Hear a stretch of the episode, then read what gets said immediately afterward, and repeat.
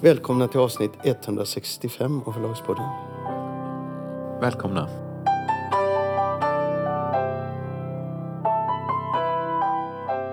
Där är vi igång, Kristoffer. Ja, Det betyder att vi sitter i eh, Helsingfors.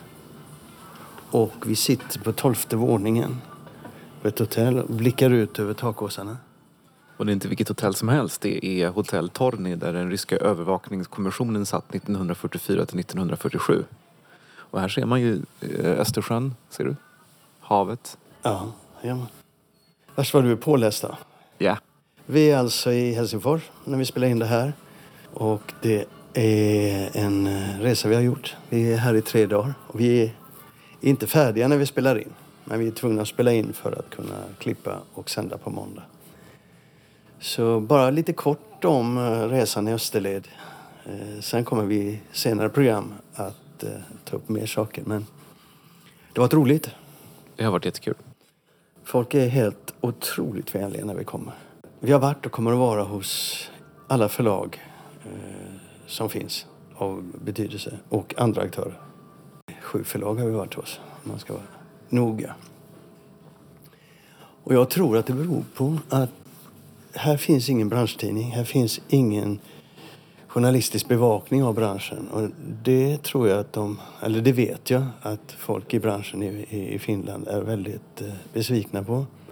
Så när vi kommer och ställer journalistiska frågor om branschen så tycker de det är väldigt roligt och eh, svarar gärna. Mm. Och jag sa ju innan tror jag i förra avsnittet att eh, här har de ingen statistik, här är det svårt att få koll. Men det får jag ta tillbaka. Vi kommer att eh, ta ett par avsnitt från Finland, tre avsnitt totalt. Och då kommer vi också berätta hur det ser ut statistiskt och vad som är unikt med Finland. För det är en del. Och eh, i några fall så slår de alltså den svenska marknaden på fingrarna, det ska vi också berätta. Ja, vi får återkomma. Och du har ju också gjort ett antal intressanta intervjuer som kommer komma i podden så småningom från Finland. Ja, och vi sitter alltså i en bar med lite eh, hissmusik och så, men det är för stämningens skull. Ja, det är för stämningens skull. Ska vi köra igång då? Ja.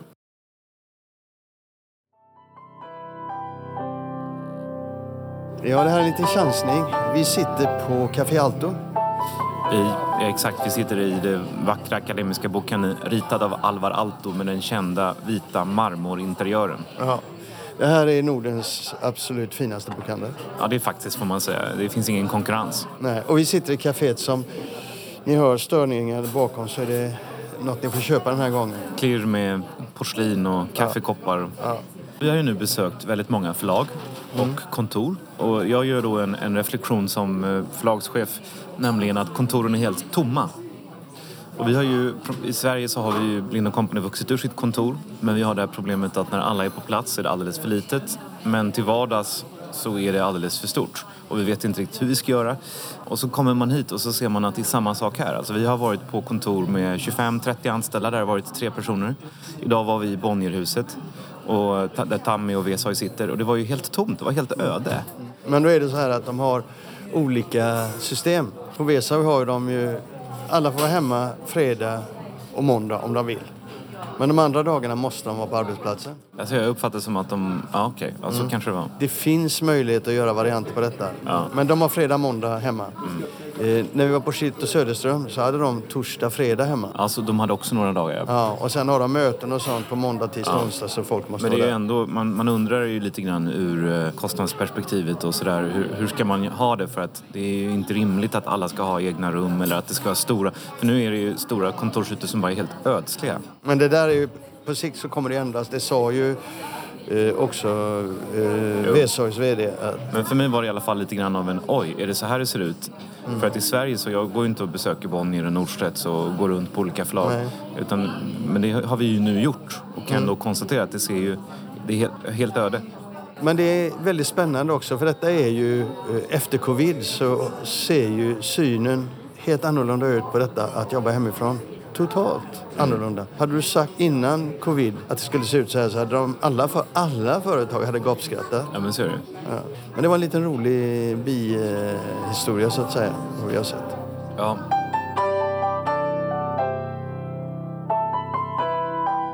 Det hände en liten grej eh, som jag blev lite förvånad över på, på eh, marknaden. Det var att Polaris skickade ut ett pressmeddelande att de hade fått en ny författare från Pirat. Vi reagerade lite olika på det här. Det var alltså Emma Hamberg som lämnar Pirat för att gå till eh, Polaris 2024. Ja, 2024, ja, precis. Ja, hon har en bok som kommer nästa år på Pirat. Så. Är inte det lite märkligt att man gör så? Hur, tän- hur tänker man som förlag när man gör så? Alltså, Jag tror att man som förlag tänker att man vill kommunicera en nyhet som ändå är ute. För det var ju inte så att det här inte var något som folk kände till. Eh, Man vill skicka ut en ny- nyhet som ändå är ute, som folk ändå känner till. Och så vill man få då liksom bra press på, på... Man vill liksom berätta för världen om att man har fått en ny författare. Men det finns ett problem där tycker jag. Och det är... Ja, hon har ju en bok som kommer ut nästa år på Pirat. Om det hade varit din situation och du har en författare som har sagt att jag går till ett nytt förlag och så har du en bok kvar. Hur hade du reagerat då? Alltså, det är inte roligt. Man tappar ju liksom lusten, man tappar glädjen, man tappar peppen. Och jag, jag kan förstå att de vill berätta om detta eftersom de har skrivit ett avtal med varandra. Jag kan också förstå att Emma Hamberg vill byta förlag. Men en författare behöver göra det ibland och hon följer sin, sin tidigare förläggare. Så det är inget konstigt, men jag, men jag förstår inte det här. Varför kan man inte vänta tills dess att man har kommit ut med boken på det kvarvarande förlaget? Nu är jag ju helt övertygad om att Piratförlaget kommer göra ett jättebra jobb med boken och för återförsäljarna spelar det ingen roll vilket förlag som boken kommer på. Nu är du lite för snäll. Alltså för det, psykologiskt, Nej, psykologiskt så är det helt obegripligt. ja. Ja. Därför att förlaget kommer att jobba med boken. Men det är mänskligt att tänka varför ska vi... Vi ska ha ju tillbaka vår insats. Men varför ska vi springa benen av oss för en författare som har lämnat oss? Nej, det är inget roligt. Det gör du inte. Men det gör man inte. Nej. Så att det där kommer ju skada författaren. Det kommer inte skada henne, men jag förstår inte varför hon inte kunde vänta. Nej. Vad som författarna verkar helt glömma bort i de här sammanhangen det är att förläggare och förlagsredaktörer och förlagsfolk i största allmänhet också har känslor. Ja, de kommer inte få det bästa Nej.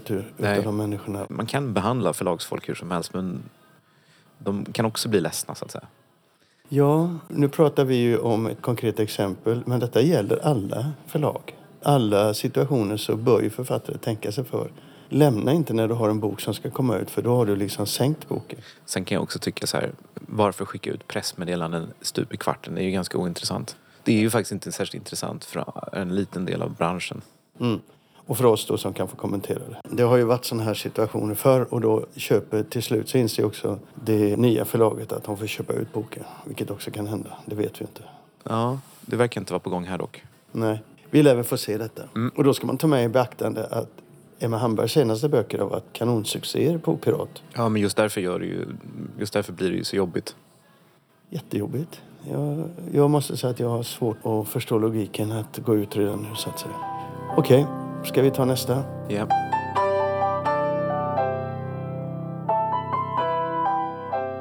Och då är det ju så att vi kommer att eh, sända en intervju med Mats Billmark som ju är, tillsammans med sin fru Susanne då, har skrivit den mest sålda egenproducerade, eller den mest sålda boken på Adlibris på 20 år. Och det är en egenproducerad bok och nu går de tillbaka till att eh, från att ha varit på ett förlag går de tillbaka till att göra böckerna själv. Men då eh, tyckte, jag det, då tyckte jag att det lät intressant att prata med Mats Billmark utifrån en aspekt och det är författare som vill göra sina egna böcker, producera sina egna böcker har en del att lära sig av dem. Men sen så, så är de ju rätt bra på marknadsföring. Så nu har de varit överallt i samband med den nya boken. Så det känns lite så här, hmm, vi kommer lite sist men vi kör ändå för att det är rätt okej att lyssna på Mats Billmark. Vi trodde vi gjorde en intervju om egenutgivning men det visade sig att det var en del i deras lömska lanseringsplan. Ja, lömska kan man nog inte säga. Det var en del i deras lanseringsplan. Eh, det, det ser man ju. Och det kan man ju inte säga något om. Det var bara jag som inte hade garden uppe där riktigt när jag pratade med Mats. Men det är en intressant intervju, nonetheless. Så vi kör den. Men sen efteråt så kommer du att titta på de här frågorna utifrån ett förlagsperspektiv. Ja. Då kör vi.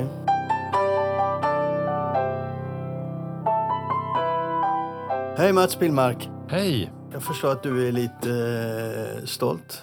Inte lite heller. Lite nöjd också då kanske? både stolt och nöjd och tacksam är också. Okej. Vi ska prata om den mest, eller en av de två mest sålda självutgivna titlarna i Sverige tror jag man kan säga. Jag säger en av två för jag är lite osäker på den andra. Men jag vet att er bok Mats, Lär dig leva, mindre stress, mer närvaro, som du Ja. och Susanne gav ut eh, två- 23 första gången, är vad heter det, Adlibris mest sålda bok de senaste 20 åren. Ja, men det gick de ju ut med i veckan nu. Ja, jag såg det i Svensk Bokhandel och tänkte jag, där finns en mer historia att berätta där tänkte jag. Så jag tänkte jag prata med dig. Absolut. Nu kommer ni vad jag förstår nästa vecka med er nästa bok. Också egenutgiven. Ja, men vi är tillbaka som egenutgivare nu efter tre år hos Bookmark. Så eh, nu har vi faktiskt gjort en barnbok som vi släpper på tisdag. Varför är ni tillbaka som egenutgivare? Ja, av olika anledningar. Dels så presenterade vi väl idén från Bookmark och det, de avfärdade väl den. eh, Tyckte inte att det var något som de var intresserade av. Och då så blir jag ju ännu mer peppad för vi är ju en jäkla tävlingsmänniska, Susanne också. Och då ska vi visa att vi ska sälja in i bomben med böcker nu. För det har vi ju visat att vi har gjort med flera böcker, inte bara med Lär dig leva. Som självut, egenutgivare alltså. Det finns ju många, om vi börjar den ändan lite grann. Det finns ju många som undrar och tittar på marknaden idag och ser att de har svårt som egenutgivare att komma ut. Men ni är en av dem som man idag kan peka på och säga, titta här, det går. Men varför går det? Frågar man ju sig då. Ja, alltså dels tror jag att vi är orädda. Dels så hade vi en erfarenhet att vara egna företagare innan vi gav ut Lär dig leva. Så vi var liksom vana att driva bolag. Vi var vana att mark- Vi har jobbat med mässor, eh, konsumentmässor. Vi har, vi har jobbat med, haft butiker och sådär. Så vi, både Susanne och jag älskar ju marknadsföring och eh, se vad vi kan göra saker på ett udda sätt. Och vi hade ju en massa olika udda tekniker, tycker jag. Där får du nog bli konkret för att det ska vara någonting som är intressant för vem Ja, men jag kan berätta alla möjliga knep om du vill. Ja, det vill jag.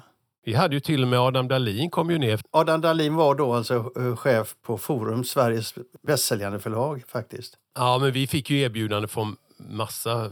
Vi fick från Bonniers. Så vi, det var ju det Bonniers företag, men vi fick ju från tre, fyra förlag som ville skriva med oss fast vi tackade ju nej till det. Men sen var det ju så att jag fick ett svårt diskbrock där i början på 2016 och då föreslog jag, de ville, då ville Månpocket eh, släppa den som pocketbok och då hade inte jag kraft, eller vi hade inte kraft att, att ta tag i det. Så då sålde vi rättigheterna till Månpocket och Forum, han är, jag vet inte hur Adam var kopplad till, men han hade, det är väl en koppling mellan Forum och Månpocket. Så Adam Dahlin och två kollegor till honom flög ner till Kalmar till oss och eh, för jag hade ingen möjlighet att ta mig till Stockholm i och med att jag hade så ont i ryggen då.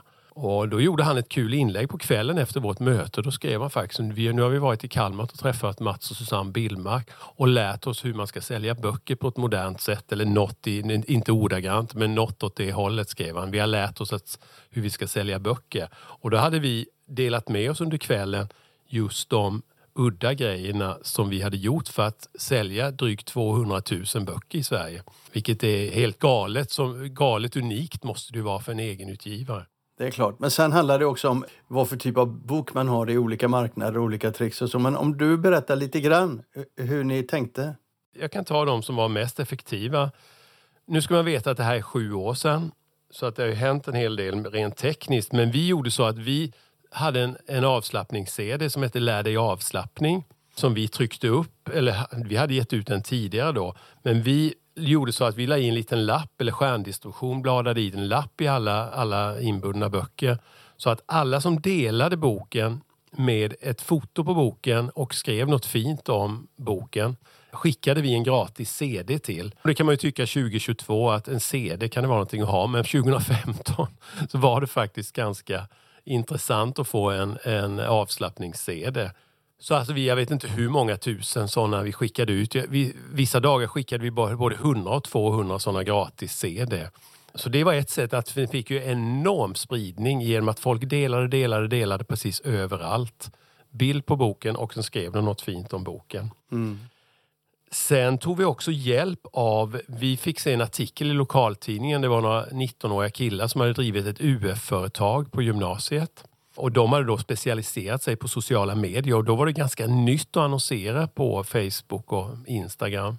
De var ju liksom uppdaterade med senaste tekniken och hur man skulle kunna göra för att nå målgrupper och vi mejslade ut vilken målgrupp vi skulle nå. Vad var det för någon som läste den här typen av böcker? Jag tror vi kom fram till att det var kvinnor mellan 35 och 55 år som gillade Thomas Ledin och skänkte pengar till Bröstcancerfonden.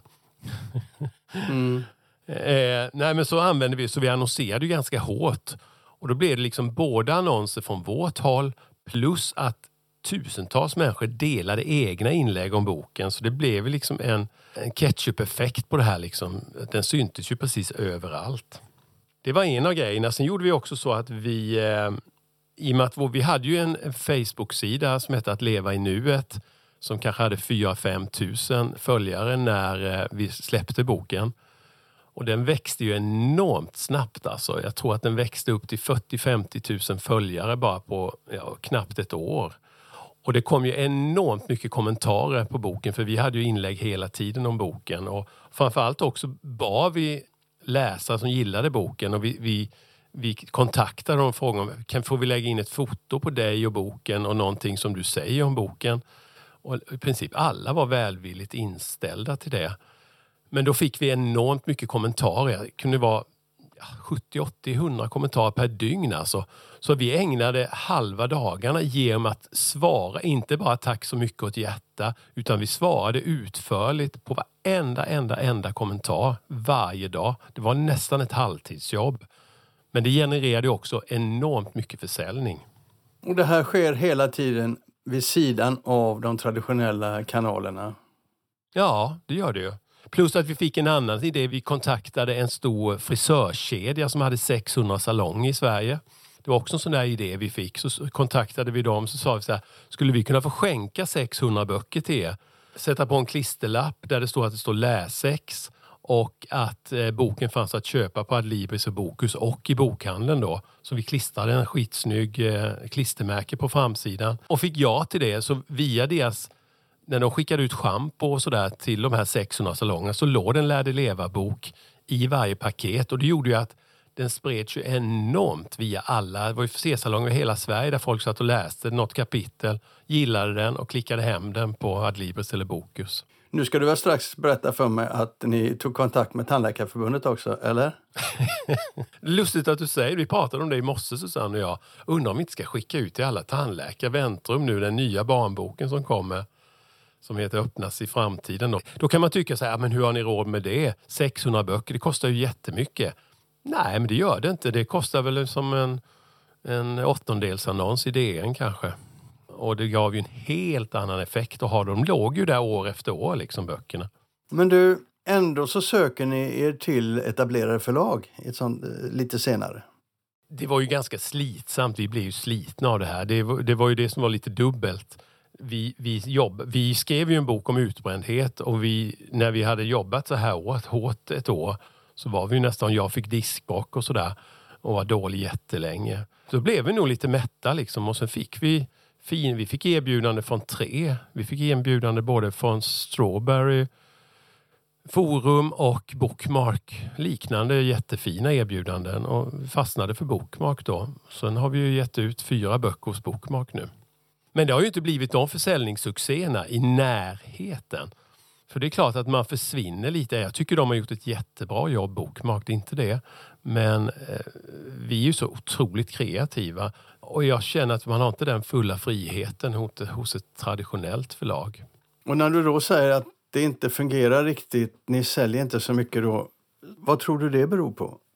Ja, det kanske är svårt att sälja böcker nu. Det får vi visa nu med vår nya bok.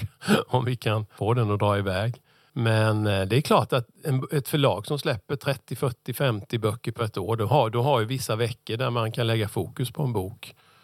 Sen släpper man ju den. Så har ju inte vi jobbat som egenutgivare. Det är ju en ständig process liksom för att få ut böcker. Om man då tittar på Bokförlagen har ju sina kanaler, upparbetade kanaler. Ni har andra ja. kanaler. Finns det fler kanaler som du skulle kunna peka på för den som vill ge ut böcker själv idag? Alltså som egenutgivare är det jättesvårt att komma in i de stora kedjorna. Nu pratar vi liksom Akademibokhandeln och... Nej, det gör det inte. Du kommer Nej, inte du, in. det är ju nästan omöjligt att komma in där. Så är det ju. Eh, men alltså, vi har ju också... Vi har till exempel jobbat upp ett stort samarbete med GKs. GKs sålde tror jag 12 000 ex av Lär dig leva. Det är väl en av deras största succéer någonsin. Och det är ett sånt vi kan rida på nu. Så jag kontaktade GKs bara för en vecka sedan och de direkt lämnade ju klartecken för vår nya bok. Men då kunde vi också referera till den succén. Men jag tänker så här att du är egenutgivare och du ger ut en roman eller du ger ut en eh, sakprosa eller fackbok. Och du ser framför allt framför dig att du ska jaga själv när du är ute och talar om boken och så vidare. Men det är ju nästan ett nollsummespel. Ja, det är jättesvårt alltså. Nej, visst. Ja, men jag är fullt medveten om det. Man måste ju ha en enorm energi alltså. Och kreativitet och vara överallt. Vi var ju på mässor precis överallt. Hälsomässor och ja, du kan inte ana många ställen vi har stått på mässor och, och för att visa boken. Mässor, småtillställningar, bibliotek. Men, men ju- det är svårt. Det är jätte, jättesvårt. Är det. Men då är min fråga så här. Om man tittar internationellt på de här situationerna med egenutgivare så växer marknaden betydligt om det finns en plattform. Jag menar, I USA och Storbritannien så växer egenutgivarnas utgivning och del av försäljningen för att det finns en plattform i form av Amazon. Men ser du någon plattform som skulle kunna uppstå i Sverige där som du skulle kunna ha nytta av? Svårt det där. Det finns ju alla de här förlagen. Jag vet inte vad du ka- kallar man det? Hybridförlag eller vad gör man? De här som tar betalt för utgivning. Ja, Jag vet inte om jag skulle rekommendera det till någon. Jag vet inte. nej. Jag tror att man... Det är ju mer om man inte kan ta de där tusenlapparna som det kostar att, att trycka upp de där 2000 exen eller vad man nu vill starta med, eller 1000 exen. De når ju oftast inte utanför det. Det, känns, det som jag har läst på, vi får, vi får ju ganska ofta mejl från er, sådana som vill ge ut böcker. Och då säger de, ska vi satsa på det? Ska vi satsa de där 50-60 tusen? Jag brukar av, säga att de inte ska det. Eh, för jag tycker man ska lägga det på att vara kreativ själv. Jag skulle inte göra det. Nej, eftersom marknaden ser ut så idag att det finns väldigt få möjligheter för egenutgivare att komma ut i den traditionella marknaden. Och de här hybridförlagen skapar inga egna marknader eller har ingen gemensam marknad Nej. där man kan lägga sina böcker. Så är det ju svårt. En sån plattform skulle ju vara fantastisk. För hur många drömmer inte om att få ge ut en egen bok? Du, du ser man ju själv statistik. Vad är det Bonniers brukar få in 5000 manus och ge ut tre utav dem eller något sånt där. Så den plattformen tycker jag saknas. Ja. Vi tar poängen med oss i samtalet men vi litar inte på siffrorna Mats. Där, va? Nej, det är, det är ju bara att ta ur luften. Jag bara... Förlagen får ju in mängder och ge ut väldigt få. Så är det ju. Mm. Nu när jag ville prata med dig här var just för att förstå hur ni har jobbat de här åren. Hur, eh, ja, dels har ni energi som kanske inte så många har, men dels har ni en typ av bok också som gör sig i så många sammanhang. En roman kan ha svårare för detta. Och en barnbok, hur tänker du då? Alltså den här är ju så speciell. Det här är en bok man ska fylla i när man är liten och öppna när man blir vuxen sen. Så det, det är ingen traditionell barnbok heller. Så att därför tror jag att vi kan hitta lite udda. Det ska bli en jäkla utmaning nu att vara tillbaka. Vad säljer vi? Många tusen ex får vi iväg. Det är... Ni rör er nu lite andra sammanhang dessutom. Mm. Ni kan inte röra er där ni har rört er förut, men hur tänker ni då? Ja, men nu jobbar vi, vår dotter går ju på Linnéuniversitetet nu och läser media. Så nu samma, alltså, har vi ett... Ja, ho- hon är ju kreativ. Hon är ju vår dotter så hon är ju såklart hyperkreativ. Eller hur? Om man nu får vara lite kaxig. Eh, men nu spelar vi in filmer faktiskt. Vi gör jäkligt, eller vi håller på med två eller tre filmidéer nu. Och nu ska vi börja jobba med reklam på TikTok och Reels. Och, och där vet man, och titta i utlandet, att det säljs mycket böcker via de kanalerna. Det- Där är inte de traditionella förlagen. Jag tror inte de har hittat till den marknaden riktigt. Så att vi kommer, vi kommer lägga ganska mycket pengar nu för att få ut den eh, på, via sociala medier och framförallt nya kanaler på sociala medier. Vad ser du för nya kanaler förutom TikTok och Reels? Ja, nu skulle du fråga min dotter egentligen, eller vår dotter. Men eh, det finns ju Snapchat och allt möjligt. Det, det, det finns ju en oändlighet. Det är därför man ska...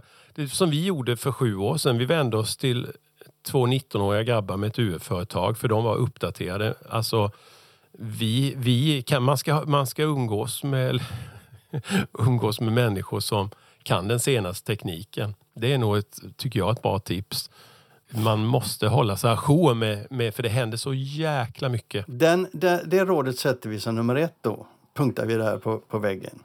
Umgås med människor som kan den senaste tekniken. Ja, det tycker jag. Vad har du som nummer två då? Till de egenutgivande författare som lyssnar på oss. Ja, vi får väl ta ditt tips då. Skicka ut boken till tandläkare, väntrum och frisörs, frisersalonger och Ja, eh, naprapater och allting. Det är en liten penning alltså. Om du nu har tänkt annonsera någonstans. Så om du eh, tänk, kan tänka dig offra 6, 7, 800 böcker. Och eh, om inte annat, det är ju portokostnaden som är den stora. Då kanske man kan få någon att skicka ut den åt dig. Eller får man väl åka ut och dela ut det. Vi kommer dela ut mängder av gratisböcker som läsex. Överallt. För det, det vet jag. Där, där, där sålde vi mängder av böcker för sju år men då sedan. tar vi det som tvåa då. Dela ut, Mm. dela ut eh, lässex överallt. Mm. Tredje, vad skulle det vara? Vad vi gjorde då, om man nu ska tipsa de som har drömmar att ge ut en fackbok. Vi gjorde så att vi lottade ut föreläsningar hemma i vardagsrummet hos våra läsare. Kul va? Ja, det beror alldeles på vilket humör du var på när du kom dit. Antar jag. Ja, men vi åkte runt på ett antal ställen och de fick samla ihop sina grannar och kompisar och jobbarkompisar. Sen höll vi en liten privat föreläsning om ämnet i boken.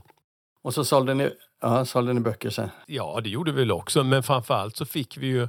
Det var ju grejen var att skulle de få vara med och tävla om en sån föreläsning på hemmaplan eller i vardagsrummet, då var de tvungna att dela ett inlägg. Och vi fick tusentals delningar på att de ville vara med och tävla om en privat föreläsning.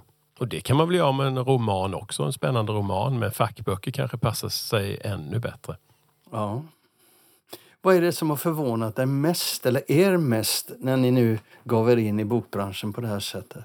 Det som förvånat mig efter Lär dig leva-succén är nog att vi fattade nog inte hur svårt det är att sälja böcker. För vi trodde ju att man, förstår du? Att Mm. det gick ju nästan för lätt för oss. Och vi tyckte att det var konstigt, hur kan någon misslyckas med att sälja 10 000 ex? Det borde ju inte gå. Men där har vi nog verkligheten hunnit ifatt oss. Så eh, det är svårt att sälja böcker alltså. Det är tufft och det gäller att vara hyperkreativ alltså. Mm. Men om, om, om du vänder på den frågan eller förskjuter fokus på den frågan och frågar vad är det som har förvånat dig mest när du mötte bokbranschen, förutom en sån sak? Jag skulle nog säga att det är en liten, liten värld i Stockholm. Så känner man. Vi, vi sitter ju i Kalmar. Vi är liksom inte i närheten av... och Det har vi nog fått känna av på både ett och annat sätt tycker jag. Att det är så otroligt centrerat i Stockholm. Är det negativt? Mm, ja, lite, tror jag nog. Varför det? Jag vet inte. Det känns som att det är ett litet gäng där uppe som håller ihop. Jag vet inte. Jag var, det inte var det inte Bonniers nu som köpte något? Var det Historiska Media i Malmö eller vad bra? Mm, I Då Lund? blev jag, rikt- I Lund, ja, då blev jag riktigt glad att man hoppar ut från storstan eller Stockholm. Jag tycker det skulle behöva spridas ut lite mer. Det finns så jäkla mycket talanger över hela landet. Det finns förlag över hela landet, men det är svårt. Som du Ja, säger. men det är det. Det är, så, det är nog den största läropenningen att det gick nog lite väl lätt för oss första gången. Och det har vi nog fått tugga i oss nu efteråt att sälja böcker, det är en konst alltså. Då frågar jag så här då, eh, som en avslutning Mats. Hur många böcker har ni gett ut? Ja du, vad har vi gett ut? Fyra, fem, sex, ja, vi har gett sju eller åtta va? Och, och, och eftersom du är som du är så har du koll på exakta försäljningssiffrorna antar jag. Absolut. Älskar statistik Lasse. Jag förvånar mig. Hur många har ni sålt av den där? Då? Av vilken sammanlagt? Eller vilken? Sammanlagt? Ja, du, I Sverige menar du? Eller Ja. nu lär det leva utgiven i 25-26 länder. I Sverige har vi nog sålt en 300 000 kanske sammanlagt. Vem har sålt uh, Lär dig leva utomlands åt er? Vilken agent menar du eller? Ja, ni har använt agent. Ja, vi har haft Ulf, Ulf Törgård som är placerad i Karlshamn, vilket också är lite charmigt och inte i Stockholm. Hur, vad, vad har Ulf gjort för er då? Ja, men han har ju gjort ett fantastiskt jobb som har fått ut den i 26 länder och 30 språk tror jag det. Men då har du lärt dig någonting som folk utanför bokbranschen egentligen inte vet. Att en del av de länderna är det bara kaffepengar på. Ja, ja, absolut. Herregud. Vi är inte i närheten av... Folk, folk som känner oss, de tror ju att vi har tjänat de stora pengarna utomlands. Men det är ju småpengar mot det boken genererade i Sverige. Förstår det. Men det är ju så att när, även om man säljer utomland, och journalister brukar vara väldigt noga med det, såld i 30 länder, såld i 40 länder. Och jag brukar, Ja. jag brukar liksom skaka på huvudet. Det är en icke-information för mig. Ja, men den har sålt i 98 000 utomlands sammanlagt. Inte illa. Varav Japan har sålt 26 000. Det är väl det landet som har stuckit. Och Polen tror jag har sålt 15-16 000 ex. Men de andra länderna händer det i princip ingenting. Det låter ju mer märkvärdigt än vad det är. Ja, alltid. Det gör det alltid. Du Mats, det där var i alla fall första programmet eh, du är med i, eller ni är med i. För Susanne sitter vid spakarna bakom dig nu och Ja, hon gör ju det. sköter, sköter tekniken. Ja, Det var i alla fall första eh, gången ni är med i Förlagspodden. ja. Så vem vet? Det kanske blir fler gånger när ni fortsätter överraska oss. Vi får väl se vad vi kan uppnå med den nya barnboken. Ja. Ska vi formellt säga tack då? Ja, men tack själv. Jättetrevligt.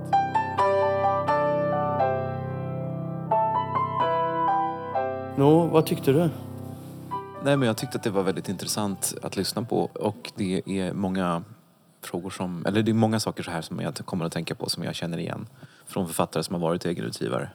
En av de sakerna som jag tänker på det är ju att han talar om hur svårt det är men han talar också om att de är duktiga, att de är kreativa, att de lyfter och vänder på varenda sten och han klagar över förlaget som har för många titlar och sådär. Ja, fast han förstår ju dem Han lite. förstår dem absolut men, men han, han upplever en frustration kring att de inte kan jobba med boken på samma sätt som de själva gör. Det där är ju eh, naturligtvis egenutgivarnas fördel. Vi har jag har några exempel där det kommit egenutgivare till oss och de har verkligen, inte kanske lika omfattande som, som i det här fallet, men de har sålt böckerna själva på sin lokala ICA-butik och de har varit ute på olika marknader och sålt och så vidare. Och så kommer de till oss och så tänker de att vi ska liksom tiodubbla eller kanske tjugodubbla den försäljningen och vi, vår försäljning minskar. Och det beror just på att de har lyckats sälja de där böckerna tack vare att de är kompis med den lokala ICA-handlaren och de går dit ofta och så vidare. Och de möter sin egen målgrupp på Och ett de möter sätt. sin egen målgrupp på ett annat sätt. Och det, där kan liksom ett traditionellt förlag, eller ett, om man så vill ett professionellt förlag, aldrig matcha. Att det, det är nästan omöjligt. Utan, eh, traditionellt förlag är ju mer inriktat på att sälja böckerna i de stora traditionella kanalerna och det är inte alltid som det här funkar lika bra. Så det, liksom, det går, vi kan helt enkelt inte slå egenutgivarna. Inte när de lyckas så kan du Nej. inte slå dem. Det är sant. Vi hade ju, Lind Company hade för rätt många år sedan nu en person anställd, Inger Lindberg hette hon, som skulle sälja böcker i alternativa kanaler. Och det, det var, även om det inte var tanken från början, så kan man säga att hon var ju nästan som en service till författarna. Liksom att om det kom ut en bok som hade någon lokal förankring eller om det kom någon bok som man kunde sälja på ett museum eller kanske på ja, någon annan shop, café eller vad som helst. Så liksom tog hon kontakt med dem och försökte sälja in de här. Hon jobbade, jag vet, tror inte det var heltid, men det var nästan en heltid. Det blev ju försäljning, men den betalade sig själv så att säga. Alltså hon betalade i bästa fall sin egen lön och det blev väldigt mycket jobb med de där. Det är alltså enormt mycket jobb att sälja 20 ex av en bok, kanske i ett, på ett café eller en butik, inredningsbutik, som sen inte vill ha någon annan av förlagets böcker och som kanske vill returnera sen fem böcker och de har tagit in tio och sådär. Det är nästan en omöjlig hantering för ett förlag. Det är ganska vanligt att författarna säger så här, ja men jag tänker att den här boken skulle man kunna erbjuda alla Sveriges psykologer och såna saker. Är det riktigt bra idéer så försöker vi göra det. Men det är mycket, mycket svårt för förlagen att, att få snurr på den typen av, av kreativitet som det kallas för inslaget. Men där, där, eh, det är ju kreativiteten att de ger ju bort. Han har ett exempel, de ger bort eh, 600 böcker. Och det blir, ser det som marknadsföring. Jag tycker det är skickligt. Jag tycker det är skickligt. Det är två saker till som jag dock liksom reflekterar över när jag hör det här. Och det ena är fenomentitlar. Det är ju väldigt svårt att säga vad som är vad i det här för att de har ju uppenbarligen gjort ett jättebra jobb och de är otroligt skickliga.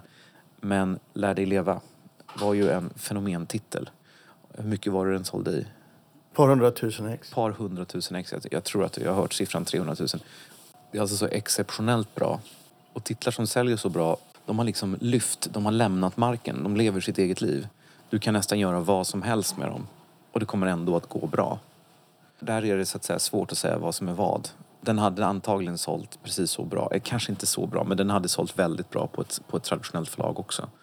Det är jag tveksam till, men, men hur som. Jo, men om, finns, du, om, du kommer finns, upp, om du kommer upp i en sån nivå. Jag menar, i, idag liksom, det är liksom antalet titlar som säljer 50 000 ex inbundet. De kan du liksom räkna på den ena handens fingrar på ett år. Och här talar vi om en bok som sålt 300 000 ex. Alltså det är en fenomentitel. Det är, vi talar om ett fåtal titlar de senaste liksom, 20 åren som har kommit upp i de nivåerna. Då, när du kommer upp i en sån siffra då är det en titel som alla talar om.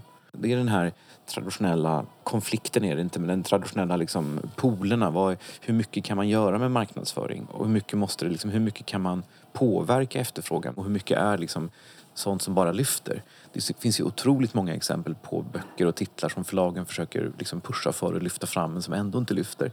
Men om du kommer upp i den här nivån då är det som nästan som att det liksom säljer sig självt. Men jag tycker intervjun med Mats Billmark talar för sig själv. För de har ju boken som är av intresse för folk. Och de har en förmåga att sälja som få författare, om ens någon författare har. Där är de ju rätt unika. Absolut. Och de tar varje möjlighet att sälja. Och, och det är svårt att slå. Det är svårt att slå och där är ju en annan reflektion. Det är ju att det går aldrig att slå det. För att det kommer alltid de att göra. Men om man vill vara författare så är det svårt att kombinera med att vara aktiv säljare. Ja, romaner hamnar ju i en annan, i en annan eh, sida. Så. Ja, men även om du vill på heltid skriva fackböcker så är det ju svårt om du ska sälja dem samtidigt. Ett förlag existerar för att göra livet bättre för författarna. Detta var alltså ett försvarstal för de professionella förlagen, om det var någon som undrade. Du, eh, det var allt för idag. Det var allt för idag. Vi hörs om en vecka. Ja. Och då får ni första rapporten från Finland. Hej då! Hej då.